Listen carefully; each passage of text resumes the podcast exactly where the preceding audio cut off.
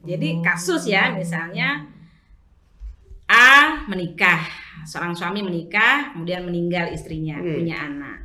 Kemudian menikah. lagi dengan seorang perempuan yang menjadi istrinya yang dia juga punya anak. Hmm. Nanti kalau kemudian dari pernikahan ini memiliki anak, yang dapat dari bapak ini Istri. hanya anak kandungnya ini. Anak bawaan istri tidak dapat. Oh. Karena kan anak tiri.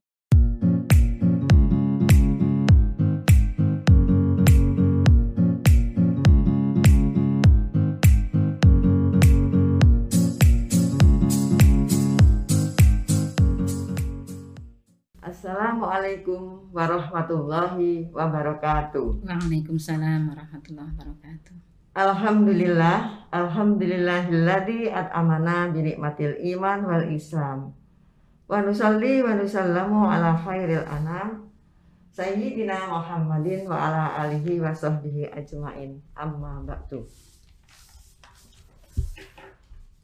Sobatmu yang kami hormati, Alhamdulillah, puji syukur kehadirat Allah Subhanahu wa taala atas limpahan rahmatnya kepada kita.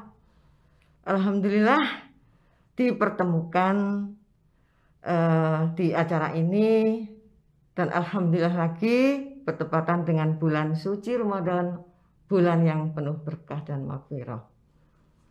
Insya Allah kita sudah memasuki eh, puasa ini yang hari yang ke-11. Itu berarti sudah sepertiga dari bulan suci Ramadan puasa kita. Mudah-mudahan yang dua pertiganya itu kita bisa meningkatkan ibadah kita sehingga eh, berkah dan makfirahnya itu tadi bisa mengantar kita ke golongan orang-orang yang mutakin. Amin. Bersama saya hari ini Bu Jariah ke depan akan berbincang-bincang yang bermakna tentu saja atau bertolabul ilmi eh, yang disaksikan secara live streaming di channel YouTube. Saat ini kita menghadirkan seorang ibu yang luar biasa yaitu Bu Dr. Fatiatur Rahman MAG Beliau adalah seorang dosen di IAIN Jember. Kemudian di Aisyah beliau sama PDA Jember eh, yang mendapat amanah di Majelis Tablet. Eh, tentu saja itu sesuai dengan pengetahuan yang diampu. Alhamdulillah. Baik, mari kita sapa ya. Bu Fatia. Assalamualaikum Bu. Waalaikumsalam warahmatullahi wabarakatuh Bu Jaria. Alhamdulillah. Saya senang bisa ketemu Bu Jaria secara Ah, offline Alhamdulillah. karena selama ini kita ketemunya online nggih. Sempat rindu ya Bu ya. Alhamdulillah, kita kalau nggak ketemu itu, aduh ya apa ya kangennya minta ampun. Karena dengan ketemu gini, Insya Allah masih banyak tambah banyak hal-hal yang kita dapat. Amin amin amin ya Rob. Mudah-mudahan ini cepat berlalu gitu. Amin ya. Bu Jaria.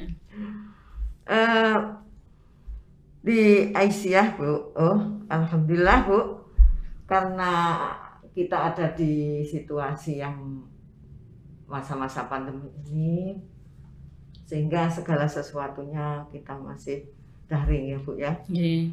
termasuk komunikasi, kemudian juga menimba ilmu, pengetahuan, webinar-webinar. Dan yang menarik bagi saya, tempo hari itu ada sebuah tema yang berbunyi Aisyah gerakan perempuan Islam yang berkemajuan. Iya.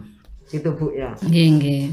Nah ini kan berarti kita tidak boleh berhenti ya Bu ya. Kita Iya. harus bergerak eh, mencari dan mencari utamanya di dalam bertolakul ilmu. Iya.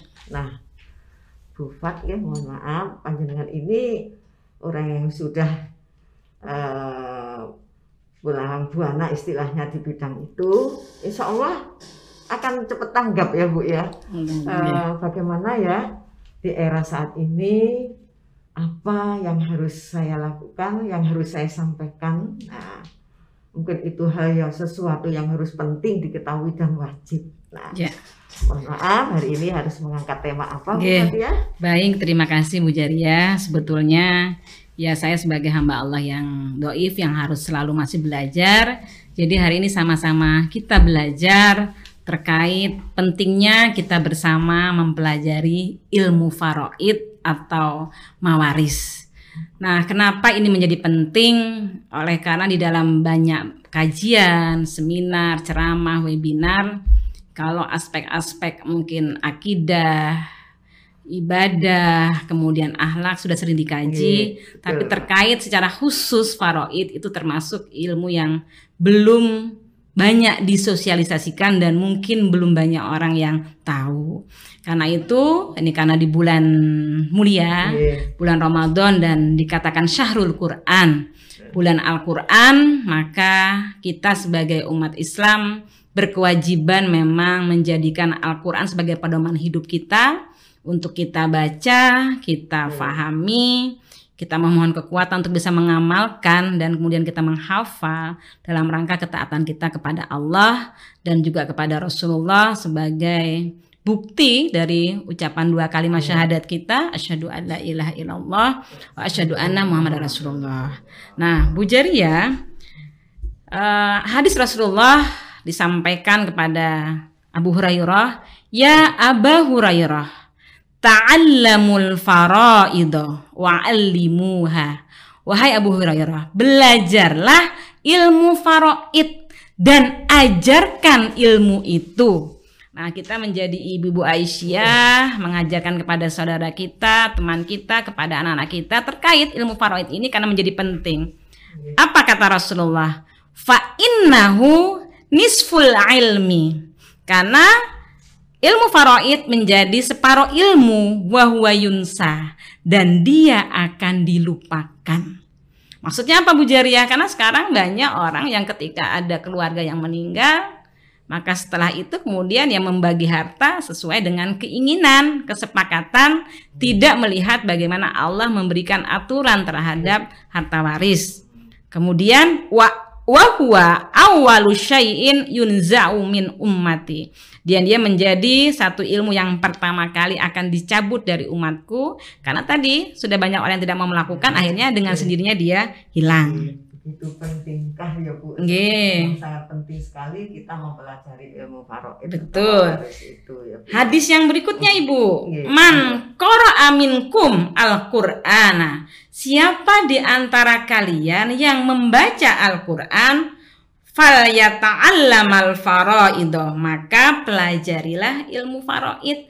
Pelajarilah ayat-ayat yang terkait dengan waris. Nah, karena di bulan Ramadan bulan Quran, mari hari ini kita sama-sama mengkaji tentang ayat-ayat waris. Sudah jelas ya, Bu, ya. Nggih. Oke. Lalu mohon dijelaskan Bu, eh, apa itu ilmu faraid atau mawaris ini Oke. agar kita lebih tahu gambaran mengingat betapa pentingnya ya Bu ya Oke. ilmu faraid ini kalau saya lihat tadi dari Al-Qur'an maupun hadis ya Bu ya. Nggih. Monggo Bu. Baik, terima kasih Bu Jariah. Jadi ilmu faraid. Faraid itu jamak dari faridah. Artinya ketetapan. Maka kemudian awal katanya fardun. Kita suka menyampaikan sholat fardu, Hmm, artinya sholat wajib ya, Bu, wajib. ya. Nah, iya. Jadi ilmu faraid adalah ilmu yang wajib sebetulnya kita pelajari Ya, karena yusikumullah Allah mewasiatkan, Allah mewajibkan faridotam minallah, kewajiban dari Allah. Artinya ketentuan, ketetapan syara, bagian yang ditentukan. Artinya nanti disebutkan siapa saja yang akan mendapatkan harta waris dan berapa bagiannya. Sangat detail nanti disebutkan siapa yang mendapat setengah, siapa yang mendapatkan seperempat, siapa sepertiga, siapa seperenam, siapa dua per tiga. Nah, kemudian kalau kita melihat Hasbi Asidiki memberikan pengertian, jadi ilmu faraid juga bisa disebut dengan ilmu mawaris, ilmu yang dengannya dapat diketahui orang yang berhak menerima harta pusaka atau harta warisan, orang yang tidak dapat menerima. Kemudian kadar yang diterima berapa oleh setiap ahli waris dan bagaimana cara membaginya. Kemudian Ahmad Azhar Bashir menyampaikan ilmu faraid adalah ilmu tentang pembagian harta warisan yang kita harus kemudian mempelajarinya dan memang mempelajarinya hukumnya memang fardu kifayah harus ada yang mempelajari. Nah mengamalkannya kalau menurut saya ya berdasarkan ayat Quran karena yusikum ya berarti kewajiban umat Islam hmm. untuk kemudian menerapkan ilmu faraid di dalam kehidupannya. Itu ya Bu ya, jadi tentang waris. Intinya siapa saja yang berhak menerima warisan, yeah. berapa bagiannya masing-masing. Iya. Yeah. Bagaimana cara membaginya? Sementara Betul. di masyarakat kita yeah. Ibu ya kalau kita membicarakan masalah waris kayak tabu begitu ya Bu ya. karena ya itu mungkin ketidaktahuannya atau uh, kurang pahamnya karena ya kurangnya mengetahui dan ilmunya. Nah itu makanya Bu Jaria nah. fungsi kita mencerahkan tadi okay. bahwa ketika seseorang berkumpul setelah kematian misalnya ayah dan ibu atau orang tua yeah bukan kita menginginkan sebetulnya iya, itu tadi tapi ingin memuliakan almarhum atau almarhumah. Artinya kan sebelum dibagi itu nanti misalnya apakah ada hutang sehingga almarhum almarhumah terbebas. Lalu apakah ada wasiat yang ditunaikan? Karena kalau kita tidak segera berkumpul, berarti nanti ada wasiat dari almarhum belum kita tunaikan. Berarti kan kita tidak amanah. Jadi belum tuntas ya, Betul, ya yang iya. meninggal. Belum lagi ketika seorang meninggal kan ada yang berhak, yang hmm. sudah Allah tentukan hak-haknya. Kalau kita tidak bagi, maka nanti kita mendolimi yang berhak atau kita menunda-nunda nggak elok katanya kok kuburnya belum iya, kering sudah nah itu yang kita harus jelaskan kepada masyarakat ya. gitu ya. karena nanti banyak kasus bu kalau ketika seorang sudah meninggal nunggu 20 tahun 10 tahun baru dibagi akan banyak problem yang muncul yang itu sangat sulit kemudian diselesaikan butuh ketekunan karena itu pentingnya kita mensosialisasikan terkait ilmu waris ini sehingga semua orang sebagai hamba Allah yang mengaku muslim muslimah untuk menerapkan iya. Ayat-ayat ini dalam kehidupan setelah ada yang meninggal dari keluarga kita. Iya. Baik Bu Fat, Alhamdulillah ya, Alhamdulillah lagi terus ya. Alhamdulillah ala Dalam waris itu kan mesti ada yang memberi, ada yang terima. Kemudian nah ini unsur yang namanya unsur waris ya, yeah. Bu, iya. ya. Itu apa saja, Bu? Iya, yeah, betul Bu Jaria. Jadi di dalam pewarisan itu ada unsur yang harus ada. Iya, iya. Yaitu hmm. tiga unsur yang harus ada. Pertama ada pewaris, ya, artinya betul. ya kalau nggak ada pewarisnya apa? Jadi yang pewaris adalah orang ya. yang meninggal, yang memiliki, ya orang yang meninggal ya bu. Ya. Yang kedua ada harta waris, jadi ada hmm. harta tinggalannya.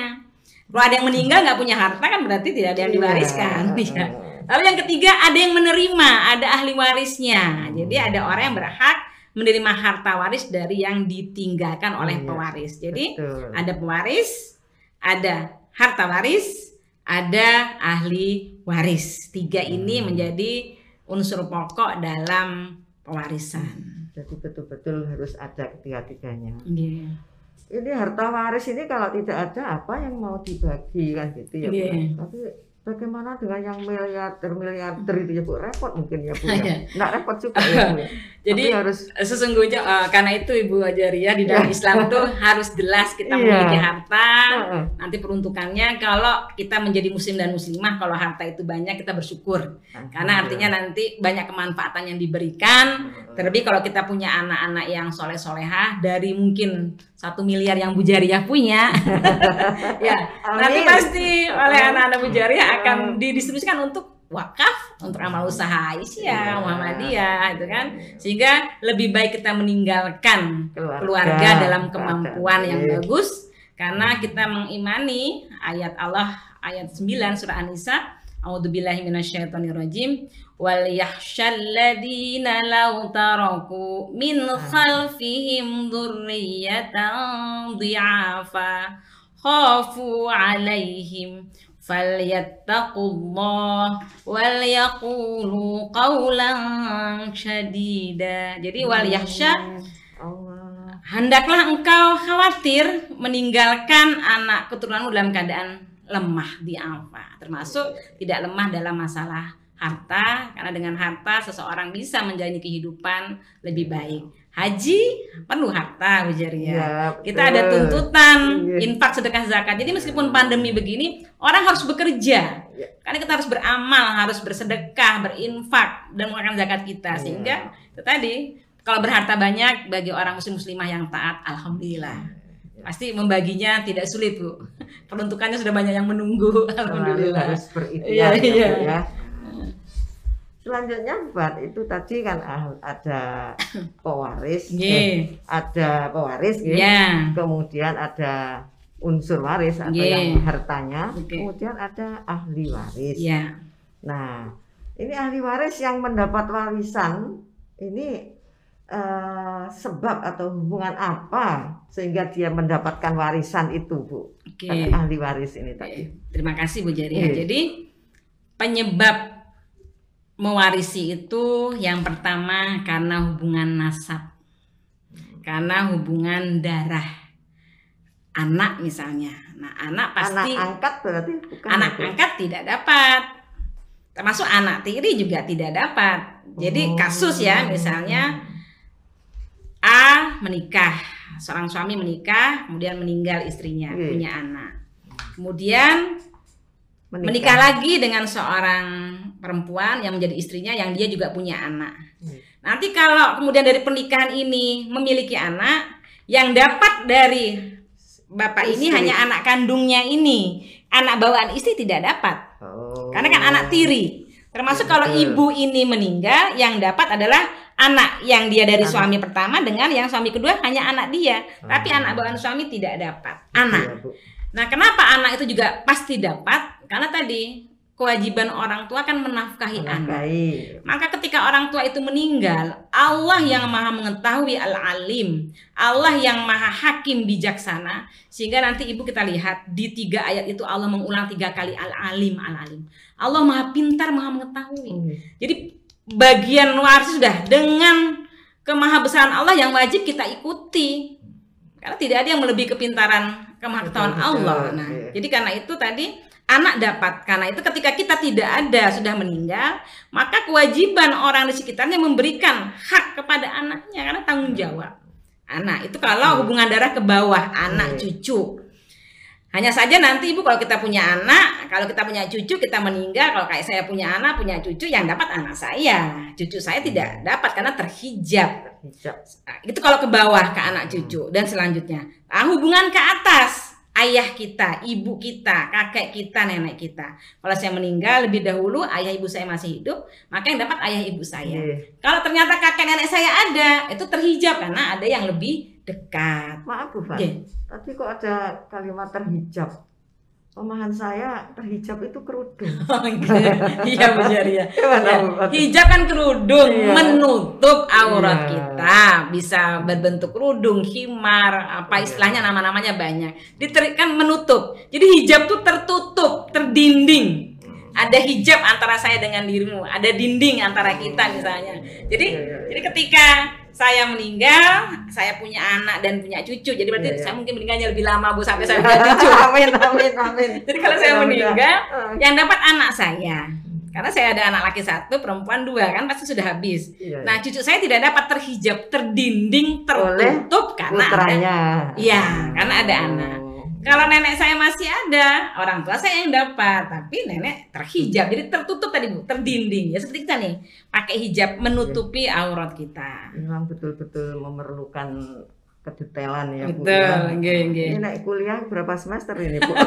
itu biasanya yang di kuliah syariah ada bu fikih Iya. mawaris nah jadi tadi pertama hubungan darah dan nasab termasuk saudara sekandung. Iya. Jadi nanti ketika kita punya anak, punya ayah ibu, kalau ada anak Hmm. laki-laki sudah habislah di situ. Nanti saudara kandung kalau kita ternyata punya anak perempuan hanya satu atau kita nggak punya anak, maka saudara bisa dapat. Karena kan Saudara laki-laki ya. Laki-laki dan perempuan saudara kandung Oh, bisa kandung dapat. ya. Iya. Lalu yang kedua karena hubungan pernikahan atau perkawinan. Ya. Oke. Saya menikah dengan Pak Safrudin dengan Mas Safrudin. Kalau saya meninggal, ya semoga masih umur Oh, panjang. umur panjang. Bu. Iya. Kalau saya meninggal, Hmm. maka suami saya ada bagian dari harta yang saya miliki. Ya nanti akan diatur ketika saya punya anak berapa dapatnya Mas Safrudin dapatnya ya nanti seperempat. Termasuk kalau suami saya meninggal, semoga masih dipanjangkan usia dengan keberkahan dan kebaikan. Iya. Ya saya sebagai istri dapat. Jadi karena hubungan pernikahan itu dapat. Oke. Bu, sebentar. Itu kalau istri yang meninggal, Mm. suaminya kan jadi duda. Nggih. Hmm. Ini mohon maaf, Nggih. kalau orang perempuan biasanya betah bu ya. Nggih. Tapi kalau laki kadang nggak ada yang Oke. me- me- apa itu ngeladeni Iya, dan oke, yang oke. itu segala sesuatunya sedangkan Hmm. anak sudah pada sibuk Iya. gitu. Biasanya kan- beda psikologi Iya, seksualnya, Bu. eh, Si- istilahnya kodratnya sudah. Iya, makanya kenapa hmm. ada iddah tuh bagi perempuan, bagi laki-laki tidak ada. Itulah kebijaksanaan agama Islam yang sesuai dengan garizah, Gitu. insting setiap manusia tadi. Iya. Ya tidak ada kemudian kita katakan misalnya itu tidak beretika, tidak. Jadi ketika misalnya habis meninggal istrinya dia menjadi duda kemudian menikah lagi untuk Iya. lebih memanfaatkan hidup, itu tidak ada masalah. Iya. Perempuan juga tidak ada masalah sebetulnya, ibu hanya saja Ada masa ibu-ibu itu ya bu ya. setelah selesai. Iya. Maksudnya hanya saja ibu tuh kebanyakan demi anak-anaknya, ya sehingga ketika sampai anak bersama selesai, anak-anak itu sudah Iya, terpenuhi, iya. sudah seneng, sudah mikir apa-apa. ya, kan. itulah eh, perbedaannya masing-masing ya, tidak Kembali ada masalah. kepada Duda tadi. Bu. Nggih. Nah, ini eh, yang terjadi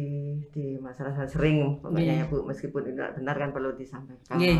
Nah ini kalau sudah menikah lagi, kemudian kan tadi ada bagian ya Bu ya, Iya, yang nggih. bapak ini yang jadi duda ini. Nah ini biasanya jadi ramai Bu. Mm-mm. Ada yang mau diambil karena meninggal lagi dan Oh, sebagainya. Oke. Gitu.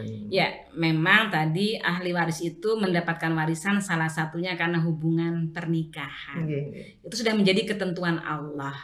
Jadi kalau saya meninggal, maka suami saya Mas Safudin mendapatkan bagian seperempat dari harta saya. Karena saya punya anak tiga. Nah, setelah mendapatkan bagian saya atau ketika belum, kalau suami saya ingin menikah lagi sudah tidak ada masalah urusan suami Hmm. saya. Dengan hartanya tadi ya, Iya. kan anak-anak sudah dikasih. Iya, kan? jadi tetap kewajiban kita tadi memberikan haknya. Ya.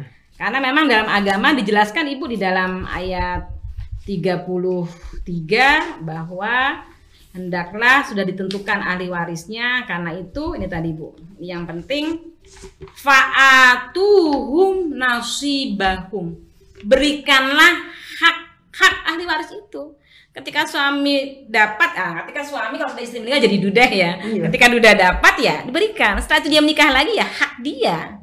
Termasuk istri ketika ditinggal suami dia menjadi janda. Kalau jandanya menikah lagi ya nggak masalah tetap haknya diberikan. Biasanya Ya, saudara perempuannya itu. ya nggak terima ya. nggak terima, Bu, bener. tapi mudah-mudahan. Iya, iya mentaati Setelah tahu ya, Bu, Iya. ya memang harus ditaati. mentaati perintah Allah itu kewajiban kita dan pasti yang diberikan memberikan kemanfaatan. Yakinlah ibu, kalau kita mengambil harta dari yang bukan berhak, pasti Ya. hidupnya tidak akan berkah. Betul, Pasti betul. tidak akan berkah. Ada cara saja Allah mengambil harta tersebut. Yang jelas tidak ada ketenangan dalam hidup. Nggih.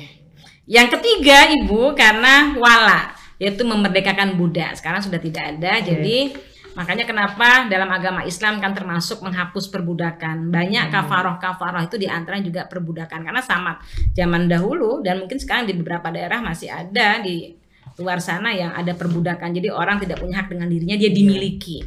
Jadi ini sekadar contoh saja ya kalau Bu Jariah orang yang alhamdulillah oleh Allah diamanahi rezeki yang banyak sekali. Amin, amin. Lalu ketika ada masih ada perbudakan lalu Bu Jariah ingin memerdekakan memerdekakan seorang budak. Budak. Oleh Bu Jariah dibeli budak ini dari tuannya misalnya Iya. 100 juta.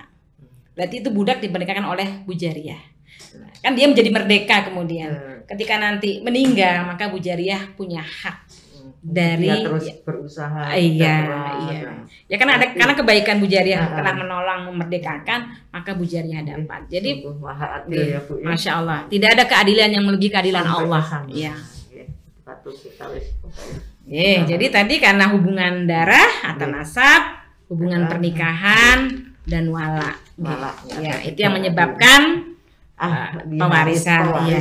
Dia dapat waris Iya. gitu. Hubungan darah dan Iya. nasab, hubungan perkawinan dan wala atau Iya. membedakan. betul. Nah, sekarang kebalikannya, Bu. Ye, Kalau tadi yang mendapat waris, ye. nah sekarang ahli waris yang tidak berhak menerima warisan. Oh, nggih. Itu yang bagaimana? Jadi ada yang disebut dengan penghalang waris ya. Nggih. Yang menyebabkan tidak bisa mendapatkan waris itu satu karena beda agama atau murtad. Jadi pewaris ini kan berarti harus seorang muslim muslimah. Maka yang mendapatkan harus muslim dan muslimah. Kalau ayah ibunya muslim muslimahnya, muslim muslimah. Lalu ada satu putra atau putrinya yang non muslim, ya. maka dia tidak berhak mendapatkan harta waris. Atau mohon maaf, ada kasus seorang anak yang dari agama lain kemudian menjadi Hmm, mualaf, iya, mualaf. ayah ibunya tidak menjadi mualaf, maka ketika ayah ibunya meninggal dia tidak berhak karena tadi beda Beda agama. agama. Karena ada hadis la yarisul muslimul kafiro walal kafirul muslimah. Orang muslim tidak akan mewarisi dari orang kafir atau sebaliknya orang kafir dari orang muslim. Jadi perbedaan agama membuat tidak bisa Iya. mendapatkan waris. Kalau gini Bu Pak, misalnya orang tuanya itu non muslim, Iya. tapi memang dia orang yang eh, apa hartanya banyak. Iya. Nah, Dia beda agama dengan anak mualaf dan menyadari Iya, itu. Kemudian kepingin memberi pada anaknya ini tadi, Oke. itu itu bagaimana? itu? Oke, jadi kan karena beda agama tidak ada tadi pewarisan. Iya, warisan Apalagi nggak kasusnya nih kalau bapaknya Nah, non muslim ya. Berarti kan gitu. memberi. Iya. Mungkin kasus yang terbalik yang enak begini Bu. Jadi kalau misalnya orang tuanya muslim, muslimah, ternyata ada anaknya non muslim. Yang enak begitu contohnya, karena kan yang pewarisnya Oh, iya, yang iya, ya, betul, betul. bukan karena hukum waris untuk orang muslim. Jadi seandainya ada ayah Kebalik ibu ya, ya. ayah ibu yang muslim muslimah. Ternyata mohon maaf ada satu anak yang kemudian murtad dari agama Islam. Lalu ayah ibu ini meninggal. Maka ketika meninggal harta yang ditinggalkan ketika keluarganya menerapkan warisan tidak bisa mendapatkan warisan.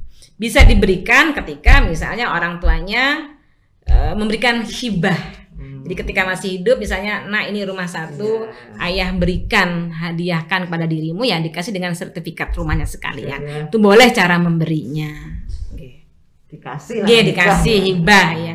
Yang sekarang ini menyebabkan begitu Bu Jaria. Iya, Jadi iya. misalnya orang nggak mau ruwet sudah saya punya rumah tiga perhiasan saya misalnya ada tiga kilo. Iya, iya. Jadi amin. anaknya tiga sudah. Ini rumah A tentu dengan hitungan yang proporsional ya Bu. Karena Iya. kalau rumahnya di kota dengan di desa beda. Jadi Betul. dengan kesepakatan ini tiga rumah satu untuk anak pertama, yang kedua anak kedua, yang ketiga rumah ketiga anak ketiga. Ah, tadi emas yang berapa tadi Bu? 3 kilo. Tiga kilo. Satu kilo aja diberikan satu. kilo, ya. Akhirnya ketika meninggal habis sudah, tidak dilaksanakan warisan karena sudah hibah. Itu tidak ada masalah sebetulnya. Hanya saja kan nanti Oh, menjalankan menerapkan ilmu warisnya, warisnya tidak terus terlaksana karena mas sudah selesai. Tapi tidak apa-apa itu hibah namanya, menghibahkan. Berarti mak yang terjadi di masyarakat itu banyak yang seperti itu. Ya, ya? itu makanya nanti ilmu yang pertama akan diangkat karena orang sudah tidak mau lagi, sudah nggak mau ruwet, nggak mau ribet ya sudah. Gitu. Karena kalau masih hidup semua Bu kan Mm-mm. jelas gitu loh. Sebagai orang tua kan lebih tahu. Ya, dan itu boleh hibah namanya. memberikan pemberian sebelum meninggal. Kalau wasiat kan pesan yang diberikan sebelum meninggal Itu boleh ya Bu ya. boleh. Nah, hanya saja kalau wasiat tidak boleh kepada ahli waris. La wasiyata liwarithin tidak boleh berwasiat kepada ahli waris. Jadi misalnya ada orang yang ketika baru menikah belum dianugerahi keturunan, lalu mengasuh anak dari kecil dari bayi. Ternyata di perjalanan waktu tiga tahun mengandung anak pertama, tiga tahun kemudian anak kedua, ketiga. Hmm. Maka anak kandung inilah yang mendapatkan bagian dari peninggalan hartanya. Nah lalu orang tua berwasiat untuk anak yang sudah diasuh tadi Betul. dapatkan wasiat dan maksimal harus sepertiga.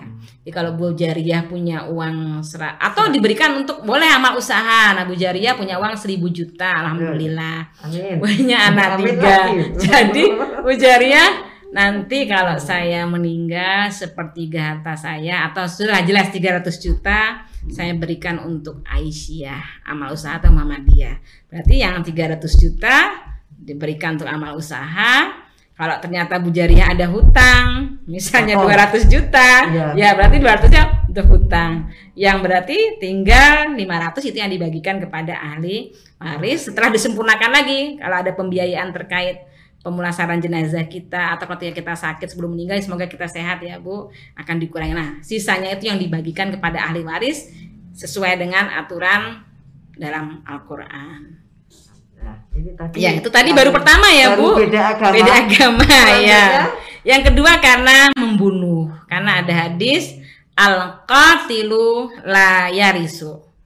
Orang yang membunuh tidak akan mendapatkan warisan. Jadi eh, kan sekarang ini banyak ya mungkin bukan banyak ada kasus misalnya Ada ketika ada ya ya. anak yang tidak sabar mengurus orang tua yang sakit betul Eh, tidak Di mau ribet obat, ya, diminum ya obat. lalu sudah sakit berapa tahun? Dua tahun. Oh. maka sang anak ingin cepat ayah ibunya tiada karena ingin harta warisannya. Itu termasuk adalah yang tidak mendapatkan. Sehingga nanti di kompilasi hukum Islam itu ada sebab mencoba membunuh pewaris termasuk tidak mendapatkan memfitnah pewaris atau menganiaya. Kadang-kadang ini bukan orang tidak tahu ilmu. Ya dia merasa setiap orang yang meninggal nanti akan mewarisi hartanya Hmm. Lalu dia ya dengan bagaimana segala cara dia ingin dapatkan. Padahal yang perlu kita ketahui juga sesungguhnya tidak semua ahli waris akan mewarisi harta, Iya. Bu. Bisa mewarisi hutang, Bu. Bisa mewarisi Betul. hutang. Ada satu kejadian teman cerita, ada satu keluarga yang suatu ketika sedang berkumpul. Betul. Lalu ayahnya bilang karena pengusaha kan biasanya punya hutang Oh, iya, iya, banyak. betul, kerjasama. Saat itu kalau Ya. tidak salah ayahnya cerita, ayah punya hutang sekitar 2 miliar. Nah saat itu anak-anaknya biasa saja karena tahu ayahnya pengusaha, Iya. cukup lah dan tidak memikirkan, tidak membayangkan kalau kemudian setelah itu ter- meninggal, iya, ya. ternyata setelah itu dua, dua bulan ayahnya meninggal.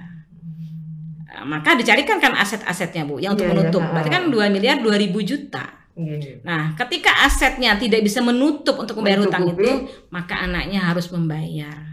Itu. anaknya mampu bu. Nah, ditanya oleh teman saya gimana bu? Ternyata anaknya nggak bisa mampu, ya anaknya harus mencicil. Kalau secara Islam sebutnya bertanggung Iya. jawab tadi, Kalau karena misalnya yang pihak yang menghutangi Hmm. itu merelakan sebagian dari itu oh nggak boleh. apa, nggih. Oh. Tapi bahwa ahli waris itu ya di samping mewarisi harta juga bisa mewarisi hutang Hutang, karena agar ya. supaya orang tua kita yang meninggal atau saudara kita bisa terbebas dari hutang karena itu nanti menjadi tidak Ah, ya, lancarnya Bu, di penghisapan. Makanya waktu meninggal itu ya bukan dia ke Mm. masyarakat, Iya. ya utang. Nggih. Biasanya kalau cuma dikit-dikit kan diikhlaskan. Oke, ya kalau saya ke Bu Jariah lima ribu, ya kalau lima ribu ya jangan kan Bu. Nah karena itu makanya Ibu kita harus berhati-hati dengan hutang sampai Hmm. ada mohon Allahumma ini a'udzubika min ghalabatid Hmm. dain. Kemudian satu ayat yang panjang eh, sobatmu kita lihat di Al-Qur'an Al-Baqarah 182 itu satu halaman sendiri.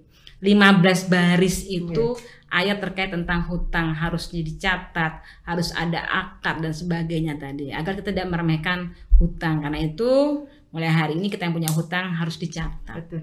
Sehingga kalau kita tiada ada yang bisa meneruskan untuk menyempurnakan melunasi hutang-hutang kita. Oke. Oh, kadang-kadang nggak tahu ya bu. ya. Nggih, Nah, jadi- kalau kita catat kan tahu Nggih. ini. Jadi sebetulnya kalau Nah, tidak kepepet sebetulnya lebih baik tidak berhutang. Oke. Jadi selama kita masih bisa makan segala macam, nah sekarang juga kan orang terkena hidup apa ya bu hedonis ya untuk hal-hal yang bersifat itu tidak ya, primer ini- ya tadi. Kebutuhan Nggih. macam-macam ya. Yang eranya nggih. ini Bu kalau tidak hati-hati kita akan. Oke, Lalu yang ketiga karena budak ibu, karena budak kan tidak punya hak ya, tidak punya tidak punya eh, hak atas dirinya. Jadi yang menghalangi waris adalah satu karena beda agama, Nggih. dua karena membunuh, Membunuh. dan upaya yang dilakukan untuk membunuh juga karena budak. Mau, mau fitnah. Iya. Bu. Oke. Eh, tadi kan dari ayat-ayat Al-Quran ya Mm-mm. yang kaitannya dengan ilmu faraid ini atau mewarisi mohon Bu penjelasan Bu dari ayat apa saja itu Qur- Quran surat ayat apa saja yang ada kaitannya dengan ilmu faraid atau Iya. mewarisi. Alhamdulillah. Jadi biar rahmati Allah, Bu Jariyah, ayat yang secara khusus dan detail oleh Allah itu hanya dalam menjelaskan masalah waris. Ketika menjelaskan ayat-ayat terkait siapa saja yang akan mewarisi dan berapa bagiannya, itu secara khusus hanya di dalam surah An-Nisa ayat 11, ayat 12 dan 176. Hanya nanti ada pengantar di awal ayat ketujuh itu ada ibu. Jadi ada pengantar yang mengantarkan bahwa laki-laki dengan perempuan punya hak terhadap harta warisan sedikit atau banyaknya. A'udzubillahi minasyaitonirrajim. Lirrijali nasibum mimma tarakal walidani wal aqrabun Walinisai nasibum mimma tarakal walidani wal aqrabuna mimma qal laminhu au kathur nasibam mafrudo lirijali bagi laki-laki nasibun memiliki bagian mimma tarok dari apa yang telah ditinggalkan al walidani kedua orang tua wal akrobun dan kerabat Wali nisa'i dan bagi perempuan juga sama Bu Jaria. Nasibum mimma tarokal walidani wal akrobun juga mendapatkan dari ketinggalan orang tua dan kerabat. Mimma kalam min okasur. Bagian yang sedikit atau banyak harus diterima. Nasibam mafrudo. Bagian yang sudah ditentukan. Nah ayat ini turun karena ada asbabun nuzul Bu Jariyah. Jadi pada masa dahulu orang-orang kafir tidak memberikan harta warisannya kepada anak-anak dan tidak kepada kaum perempuan. Itu ada asbabun nuzul. Ya. ya. Dan sehingga ketika ayat waris turun ini banyak orang yang tidak terima. Dan ketika uh, mereka memberikannya kepada orang dewasa, nah Allah lebih tahu kebutuhan sebagai hamba-hamba Allah, maka diberikan kemudian tadi ayat uh, 7. Termasuk di ayat 33 Allah menjelaskan walikullin ja'alna mawaliya mimma tarakal walidani wal aqrabun والذين عقدت أيمانكم فآتوهم نصيبهم إن الله على كل شيء شهيدا Artinya Allah menetapkan ahli waris dan berikan haknya. Termasuk tadi, kenapa diminta menyegerakan pembagian waris itu? Yang pertama tentu untuk menghormati, memuliakan almarhum almarhumah. Kedua memberikan hak orang lain sehingga kita tidak mendolimi, tidak uh, apa bu istilahnya, uh, tidak mengkhianati amanah. Ya ketika nanti almarhum almarhumah berbuat wasiat kan segera ditunaikan. Kalau kita tunda-tunda, apalagi 2-3 tahun, ternyata yang diberi wasiat sudah meninggal misalnya Lalu ketika menunda tidak diberikan dalam 2-3 tahun ini ternyata yang harusnya dapat misalnya meninggal itu kan sulit kemudian. Nah itu di antara ayat-ayatnya. Itu yang ayat 7 ya. G 7 dan 33 dan nanti Ibu G ayat 11 12 ayat 11 terkait dengan G ayat 11 terkait dengan anak dan orang tua kemudian ayat 12 terkait dengan jan, uh, duda janda kemudian saudara si ibu nanti 176 kalalah kalalah itu orang yang meninggal tidak punya anak dan uh, orang tua Nah, kemudian di tengah-tengahnya itu Ibu, ada ayat 13 14. Ini yang menjadi penting catatan kita sebagai seorang muslim dan muslimah. Apa kata Allah Ibu? Jadi tilka hududullah. Jadi nanti kita akan sampaikan terkait ayat-ayat itu. Jadi itulah ketentuan Allah. Apa kata Allah? Wa may yuti'illaha wa rasulahu yudkhilhu jannatin tajri min tahtihal anharu khalidina fiha wa dzalikal fawzul azim. Jadi siapa yang mentaati Allah dan Rasulnya termasuk dengan ilmu waris ini akan dimasukkan ke surganya Allah. Amin ya Rob. Allahumma inna nas'alukal jannah. Termasuk ancaman Allah Ibu, wa may ya'sillaha wa rasulahu wa yata'adda hududahu yudkhilhu naron. Jadi orang yang bermaksiat tidak mentaati aturan Allah dan Rasulnya dan melampaui batas yudkhilhu dimasukkan ke neraka khalidan fiha dia akan kekal di sana. Walahu adzabun ahmah walahu ada walahu adzabun muhin mendapatkan adab yang menghinakan. Jadi ini pentingnya kenapa kita mempelajari ini tadi